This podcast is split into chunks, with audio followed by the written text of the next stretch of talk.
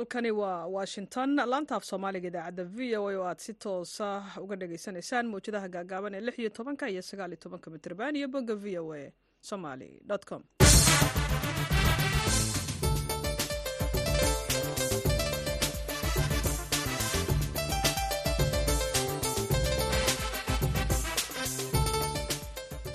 subax wanaagsan. Dhegaystayaal dhammaantiinba waa aruurnimo arbaca ah toddobada bisha februaayo sanadka ka idaacadda saaka iyo caalamka waxaa idinla socodsiinaysaa caashe ibraahim aadan.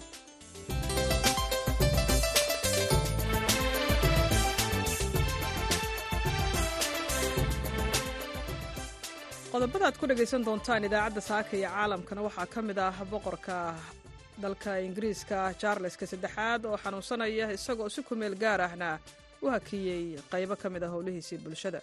Ilaa hadda ma odhan karno inagu boqorka waxa haya kansarka noocaasa laakiin baadhista ayaa laga warsugayaa waxaana la sheegayaa inuu hadda ilaa hadda boqorka xaaladiisu ay degan tahay.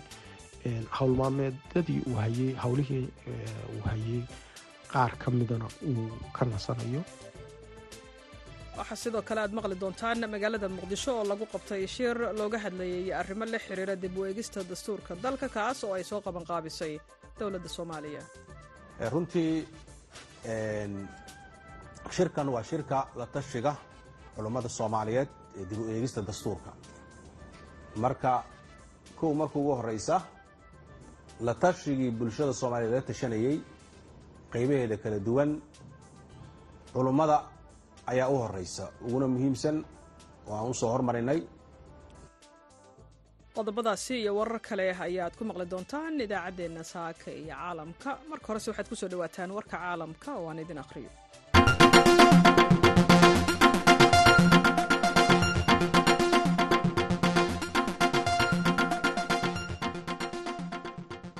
xogayaha arrimaha dibadda ee dalkan maraykanka antony blinken ayaa talaadadii sheegay in hogaamiyaasha xamaas ay ka soo jawaabeen hindisaha sii deynta la haystayaasha kaas oo hakin doona dagaalka ka socda marinka khaza waxa uu sheegay in maraykanka uu darsayo jawaabta ay ka bixinayaan arrintan islamarkaana ay kala hadli doonaan israa'il maalinta arbacada ah. Intii uu socday shir saxaafadeed ka dhacay magaalada dooxa ee dalka qatar xogayaha arrimaha dibadda ee dalkan maraykanka blinken ayaa u sheegay warbaahinta in jawaabta xamaas ee hindisaha ama hindisihiisa ee ah sii deynta la haystayaasha lala wadaagay israa'il madaxweyne biden oo ku sugan washington ayaa isagana warbaahinta u sheegay in jawaabta xamaas ay tahay sida hadalka loo dhigay mid xoogaa saa'id ahay uu la socdo hase ahaatee la sii wadi doono wadaxaajoodyada xogayaha ayaa wadahadallo waxa uu la yeeshay hogaamiyaasha qatar iyo masar xilli ay socdaan. Dadaallo la doonayo in lagu joojiyo dagaalka khaza islamarkaana ay tahay in la kordhiyo gargaarka bani'aadminimo ee la geynayo marinka khaza maleeshiyada xuutiyiinta ee ay taageerto dowladda iiraan ayaa mar kale dhigaha ka furaystay baaqyada maraykanka ee ahaa inay joojiyaan weerarada ay ku hayaan marinka caalamiga ah ee maraakiibta haddii kalena ay cawaaqib la kulmi doonaan waxaana ay lix gantaal oo lidka maraakiibta ah laga soo riday dhulka ay xuutiyiinta ka taliyaan ee dalka yemen kuwaasoo ku dhacay badda cas. Siduu sarkaal maraykana u sheegay v o a. Sarkaalkan oo magaciisa qariyey ayaa sheegay in ciidamada badda maraykanka ay toogteen ugu yaraan mid ka mid ah gantaalada maalintii talaadada ah ee la soo dhaafay iyada oo qaar kalena ay ku dhaceen badda. Sida laga soo xigtay shirkadda ammaanka ee dalka britain ee layihahda ambry. Mid ka mid ah hubka xutiyiinta ayaa waxyeelo yar waxa uu u geystay dhinaca dekedda ee markab xamuul oo uu ka babanaya calanka barbados oo laga leeyahay dalka britain intii ay socdeen weeraradii dhacay maalintii talaadada ee shalay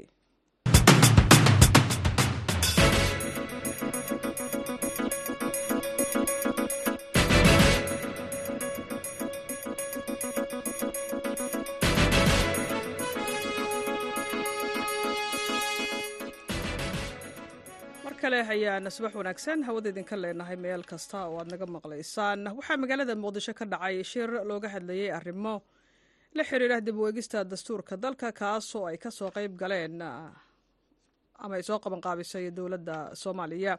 Shirka ayaa waxa uu gaar u ahaa culimmada soomaaliyeed si loo helo aragtidooda ku aadan dib u eegista dastuurka muddada dheer qaatay ee soomaaliya. Wariyaha v o eda cabdicasiis barrow ayaa warbixin arrintaasi ku saabsan ka soo diray magaalada muqdisho. Madashan oo lagu qabtay magaalada muqdisho ayaa waxaa soo agaasimay wasaaradda cadaaladda iyo dastuurka dowladda soomaaliya waxaana ka qayb galay xubno wasiiro ah iyo culimmada soomaaliyeed. Ujeeddada looga gol lahaa ayaa waxa uu ahaa sidii culimmada soomaaliyeed ay aragti ugu yeelan lahaayeen dib u eegista dastuurka soomaaliya oo waayadan shaqadiisa si weyn uga socotay dalka sheekh bashiir axmed salaad oo ah guddoomiyaha hay'adda culimmada soomaaliyeed oo kulanka ka hadlay ayaa hoosta ka xariiqay inay diyaar u yihiin inay ka culimo ahaan qaataan kaalin weyn oo shaqada dastuurka la xiriirta isagoo dhinaca kale qeexay in shaqada dhammaystirka dastuurka ay ku daahday soomaaliya. Dastuurkanoo soomaali ahaan nagu daahayba oo aan ku caybaysannahay oo haddii maalintii la bilaabo haddii wiil dhasho hadda qaangaar bu aan lahayo ceelashu shubi lahaa. Marka dastuurkeena waxa waa nagu daahaye in aan maara runtii ummadda lagu daahin. Ka culum ahaanna anugu diyaar baana insha allahu tacaala in aan wixii tabarteenna ah aan ku darsanno. Dhanna culum aan ka nahay oo haddee diinta iyo arrimaheeda iyo yani xil gaara baa naga saaran. Wasiirka wasaaradda awqaafta iyo arrimaha diinta ee dalka sheekh mukhtaar roob oo cali abuumansuur ayaa shirka ka sheegay in shaqada dib u eegista dastuurka dalka aan looga maarmin culimmada loona baahan yahay in door togan ay ka qaataan. Waxaa nala jooga culimmada soomaaliyeed oo runtii iyaga u ah ummadda soomaaliyeed marjiceeda diimeed ah. Wax kasta ee ishkaal gala la weydiinayo ee ummaddu ay aaminsan tahay ay ku aamineen diintooda ay ku aamineen ayaa kolley inta hadda joogto qeybaha aan sheegnay oo dhan waxay ka sugayaan in ay hubiyaan dastuurkeenna maadaama asalkiisa ay ku qoran tahay wax kasta oo shareecadeeni ka hor imanaya inay mulqa yihiin wax kama jiraan ay yihiin. Inaan hubinno ay ummadda u hubiyaan masiirkooda iyo mustaqbalkooda iyo say wax yihiin. Marka sideeda wixii la garan waayo culamaa la weydiiyaa haddayba diinba yihiin xataa adduunyada iyagaa la weydiinaya wax badan oo ka mid a. Fasaluu ahla dikri in kuntum laa taclamuun. Ahla dikriga la sheegayana waa culummada faman itabaca hudaaya falaa yadilu walaa yashqa hanuunka ilaahay qofkii raaco ma lumaayo marka la leeyahayna? Hanuunkaas iyo wax la sheega iyagaa la weydiinaya wixii diina. Ugu dambeyn wasiirka wasaaradda cadaaladda iyo arrimaha dastuurka dowladda federaalka ee soomaaliya xasan macalin ayaa sheegay in cid walba oo dastuurka aragti looga baahan yahay loo geyn doono si gaar ahna culimmadu ay muhiimaddu leeyihiin. Runtii shirkan waa shirka la tashiga culummada soomaaliyeed ee dib u eegista dastuurka. Marka kow marka ugu horeysa la tashigii bulshada soomaaliyeed laga tashanayey qeybaheeda kala duwan culummada ayaa u horeysa uguna muhiimsan oo aan u soo hormarinay marka hore shirkan waxaa soo agaasimay saddexda hay'ad ee u xil saaran dhamaystirka dastuurka wasaaradda dastuurka iyo cadaaladda guddiga madaxa bannaan dib eegis dastuurka iyo hirgelinta iyo guddiga la socodka dib eegis dastuurka labada aqal ee baarlamaanka federaalka soomaliya ka kooban ayaa shirkan soo agaasimay waxaa loo soo agaasimayna waxa waaye in aan helno la tashiga marka ugu horeysa culummada soomaaliyeed. Oo macnaheedu yahay dastuurka aan dib u eegista lagu sameynayo ma dhammaystirmaayo iyadoo aanan culummada soomaliya lala tashanin. Dib u eegista dastuurka dowladda soomaaliya ayaa qaatay wakhti dheer. Welina lama oga goorta uu soo dhammaan doono oo la gelin doono afti dadweyne. Cabdilcasiis barrow v o a muqdisho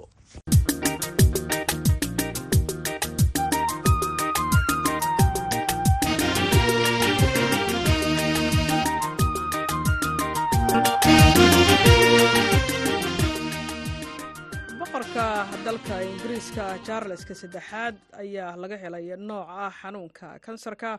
Warbixinna laga soo saaray aqalka boqortooyada britain ayaa lagu sheegay in charles oo ay da-diisu tahay shan iyo toddobaatan sano jir uu dhammaan si kumeel gaara u joojinayo shaqadii reer boqor ee dadweynaha inta la daweynayo.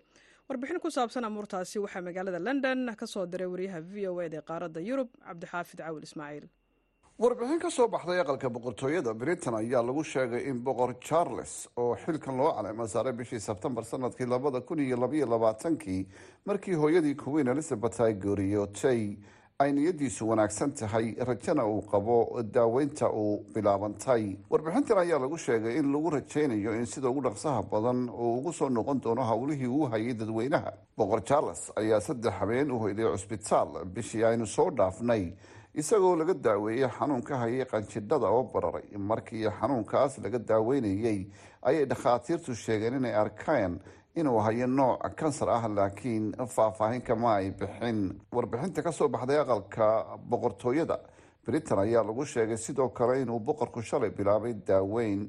Dhakhaatiirtuna kula talisay inuu joojiyo howlihii bulshada oo dhan si kumeel gaar ah charles waxa uu ka shaqayn doonaa oo keliya ayaa warbixintan lagu yidhi howlaha qaranka iyo wixii xafiiskiisa looga baahdo. Doctor maxamed caydiid hore oo ah dhakhtar soomaaliyeed ayaa faahfaahin dheeraad ah ka weydiiyey xanuunka charleska saddexaad. Doctor maxamed caydiid waxa uu degan yahay magaalada sheffield. Wariye cabdixaafidow ilaa hadda war buuxa lagama soo saarin kansarku nooca uu yahay ku dhacay boqorkan dalkan ingiriiska ee loo yaqaano boqor charles laakiin sida warbixin ka soo baxday boqortooyada gurigooda buckingham palace ay sheegayso waxaa la ogaaday uun inuu boqorka kansar hayo waqti la baarayay qanjirka loo yaqaano brostateka oo faaxay. Marka qanjirkani hadiyo goor raggu marka ay gaadhaan da-da lixdan ama konton ama toddobaatan wuu faaxaa hadiyo goorna dhibaato keena xagga kaadida. Marka ilaa hadda laakiin se tafaasiil kamay bixin nooca kansarka uu yahay laakiin da-diisa oo shan iyo toddobaatana marka la eego hadiyo goor kansarada nooca ugu badan ee hadiyo goor raggu markay da-da gaadhaan laga helaa kow waxaa ka ah kansarka nooca loo yaqaano prostate cancer oo ku dhaca qanjirka loo yaqaano prostateka oo ku yaalla kaadi mareenka marka kaasaa ugu badan inta badan kansarka da-da noocan oo kale aada ugu dhaca raggu marka ay yihiin kansaro kale oo ku dhici karaana way jiraan. Marka hadda ilaa hadda ma odhan karno inagu boqorka waxa haya kansarka noocaasa laakiin baarista ayaa laga warsugayaa waxaana la sheegayaa inuu hadda ilaa hadda boqorka xaaladiisu ay degan tahay. Howlmaameedadii uu hayey howlihii uu hayey qaar ka midana uu ka nasanayo. Amiir hari oo ah wiilka yar ee boqor charles oo aanay isku salbanaanayn ayaa la sheegay inuu aabihii soo wacay. Waxaanu shalay soo gaadhay dalka britain. Tan iyo intii uu wiilkiisu guursaday gabadha madoobe jilaaga ah isaga iyo qoyskooda xorguf ayaa dhex taalay. Waxaanu iminka ku nool yahay maraykanka gaar ahaan california. Ra'iisul wasaaraha britain rishi sunak ayaa u diray fariin boqorka isaga oo sheegay inaanu shaki ka haynin in uu si deg deg ah u wanaagsanaan doono. Waxaa kale oo uu sheegay in dalka oo dhami ay u rajeynayaan wanaag. Cabdixaafid cawul ismaaciil v o a london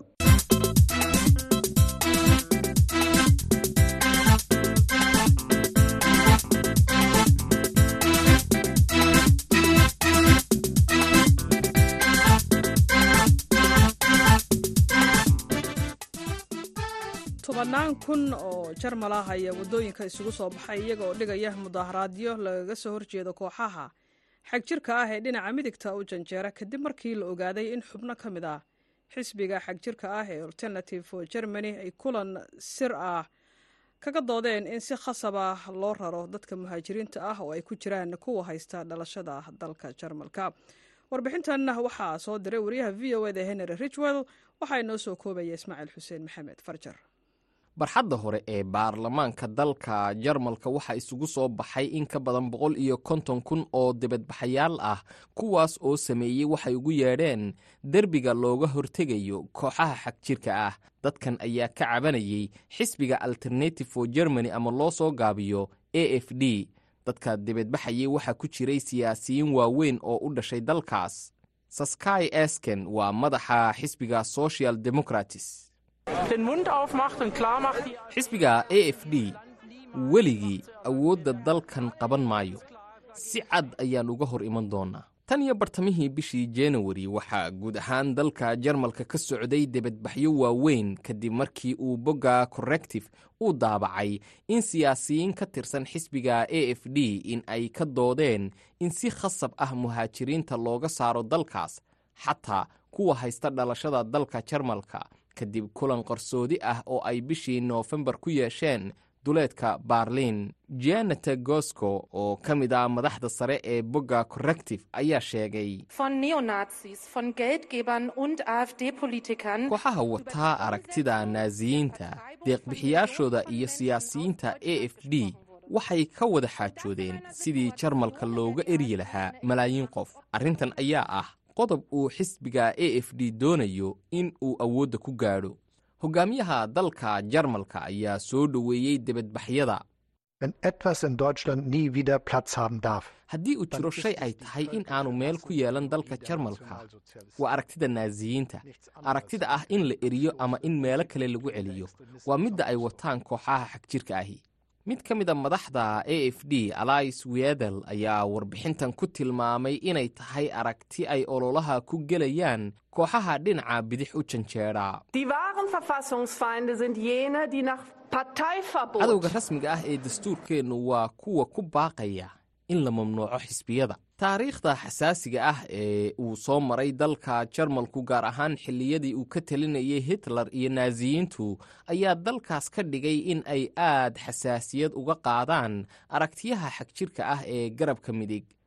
Waxaa haatan isa soo taraya baaqiyo ku aadan in la mamnuuco xisbiga a f d maat oo ah bare wax ka dhiga jaamacadda coventry ayaa sheegay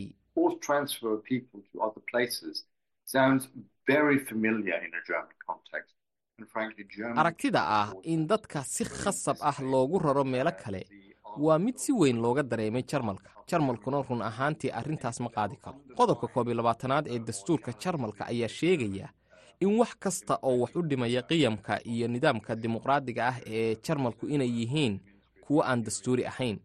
Waxaa haatan socota. Hannaan ay wasaaradda arrimaha guduhu ay xisbi gaar ah ugu gudbinayso maxkamadda sare. Arrintan ayaa noqonaysa tallaabo muran badan dhalisa oo ka dhan ah xisbiga a f d. Xisbi ku jira kaalinta labaad oo helay codad gaadhaya ilaa labaatan boqolkiiba. Waxaa dabayaaqada sannadkan qorshaysan doorashada yurub iyo tan jarmalka iyada oo xiisadduna ay haatan marayso meel sare. Aad yaad u mahadsan tahay ismaaciil xuseen. Farjar ayaa warbixintaasi uu diray wariyaha v o eda henere rijwell nala soo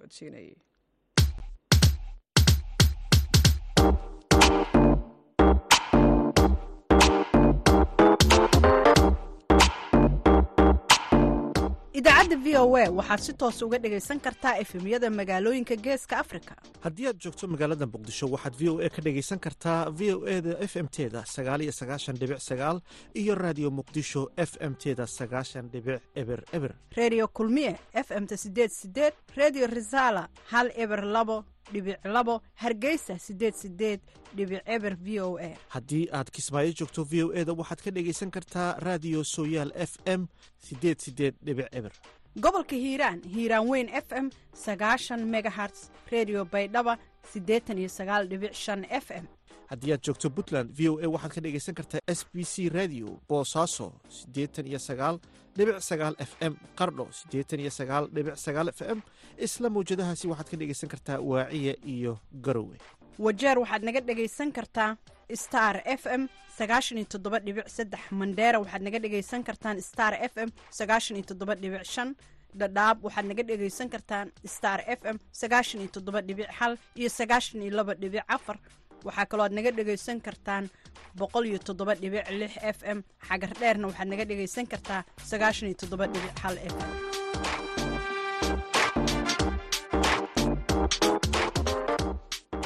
Mar kale subax wanaagsan meel kasta oo aad naga maqlaysaan.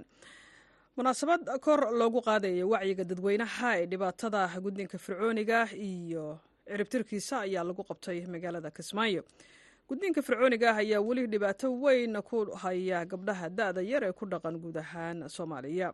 Dadkii isugu yimid munaasabadda ayaa waxay isla garteen in si wada jira looga hortago halista gudniinka fircooniga. Ah sida uu ku soo waramayo wariyaha v o eda magaalada kismaayo aadan maxamed salaad.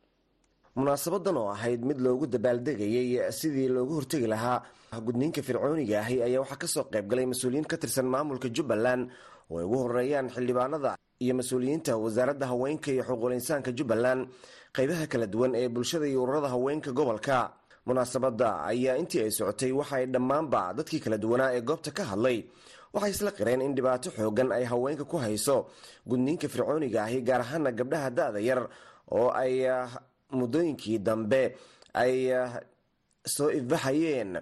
Gabdhahaad u tiro badan oo dhibaato kala kulmay gudniinka fircooniga ahi hodan xasan gasle oo ah guddoomiyaha ururka haweenka ee gobolka jubbada dhexe ayaa sheegtay in muhiim ay tahay in laga wada shaqeeyo sidii loogu hortegi lahaa gudniinka fircooniga ahi islamar ahaantana shaqo abuur loo sameeyo kuwa ka shaqeeya gudniinka fircooniga ahi si loo badbaadiyo gabdhaha da-da yar ee lagula kacayo dhibaatooyinka la xiriira gudniinka fircooniga ahi. Gabar dhashay oo f j m-ta si xun loogu guday oo markii ay foolatay oo dhiig bax u dhimatay boqolaal baa la hayaa.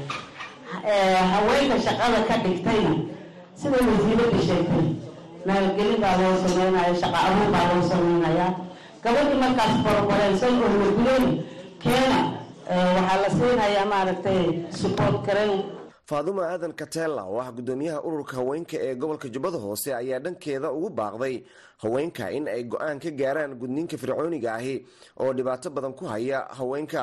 Waxaan leeyahay gabdhaha soomaaliyeed reer jubbaland gaar ahaan degmada kismaayo hadda joogno. Waxaan leeyahay waxaan inaan mamnuucno joojino sidii xaaraanta loo xarimana u xarimo waayo fircooni waa wax diinteena ayna sheegayn oo diinta ay ogoleen waaye. Mindiqoroofe waa inaan iska dhignaa abshira khamiis oo ka mida haweenka ku dhaqan magaalada kismaayo ayaa dhankeeda ku baaqday in wax laga qabto dhibaatada gudniinka fircooniga ay ku hayso haweenka gaar ahaana gabdhaha da-da yar waxaad u hadda wacyigelin fara badan oo la helay iyo maxay aheede dabagal badan oo la sameeyey inuu sii yaraanayo. Maxaa yeelay gudniinka fircooniga waa waxyaalaha dhibaato ku ah dumarka soomaaliyeed dhan walbaba caafimaadkii jiritaankii noloshii wixii oo dhan dhammaan ugu dhibaateynayaa caqabad buu ku yahay. Runtii wasiirka wasaaradda haweenka shaqo badan ayay ka qabatay arrintaas ayadaa dad badan ay u soo xirxirto dabagal badan inay samayso xildhibaan maxamed colojoog oo ka mida mudanayaasha baarlamanka ee jubbaland ayaa dhankiisa sheegay in diinteenna aysan qabin in haweenka dhibaato loogu geysto xilliyada gudniinka. Diinta islaamkana waad ogtiin waxay ka qabto xadiiskii nebiga yaa umu salama shumi walaa tanhag ursigii ha goyni intaa unba ahaydba oo weliba waa xadiiskaas inta badan culimada way daciifiyaan laakiin qof kale hadda xadiis waayo oo gabadha hala guday hala jarjariya motilashka diinta islaamku ay qabto ma uu jiro. Kolle culimadun inta badan weli lama arag lama sheegin. Qur'aanku lama sheegin xadiiskuna laguma arag inta badan lama sheegin. Waxa weeye waddooyinka ilaahay aynu raacno xaggaas ay diinteena aynu u noqono diinteena wax walba kaamil ah. Gabagabadii waxaa munaasabadda hadal kooban ka soo jeedisay cadar ismaaciil cabdulaahi juuraati wasiirka wasaaradda haweenka iyo xuquuqul insaanka jubbaland waxaana sheegtay in ay u taagan yihiin ka wasaarad ahaan ciribtirka gudniinka fircooniga ah waxaana ay ka sheekaysay dhibaatada uu leeyahay. Maanta waa maalin weyn waa maalin aan ka hortageyna wax dhaqan xun ah oo soo jire ah oo muddo kumanaan kumanaan sano na daba socday oo nolosha nala qaybsaday ayaanu maanta u taaganahay. Sidii ciribtirkiisa mar walba anagoo u taagan. Haddana maanta waa maalinkii international day ah oo maalinka ka hortaga gudnoon gudniinka xun ee fircooniga ah. Ayaan maanta u taaganahay.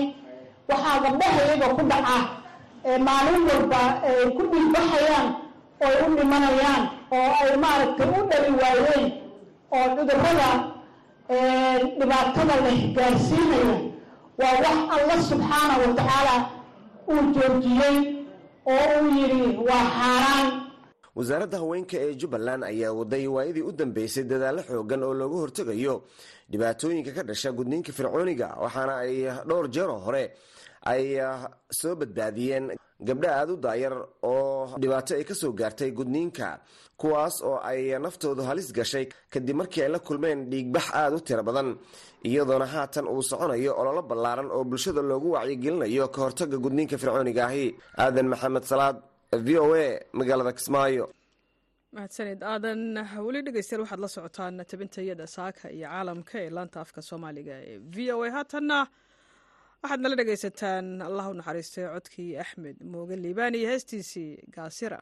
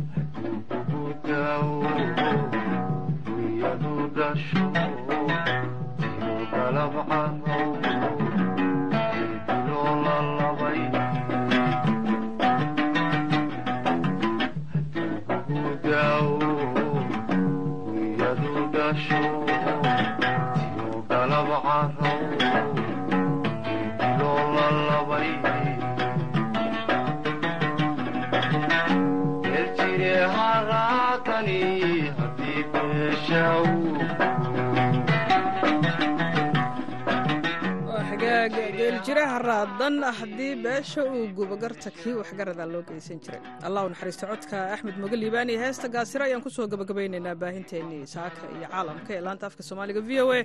Waxaa idinla socodsiinaya anigoo ah caashi ibraahim aadan dhinaca farsamadana waxaa jooga ismaaciil xuseen maxamed. Farjar intaan mar kale kulmayno. Subax wanaagsan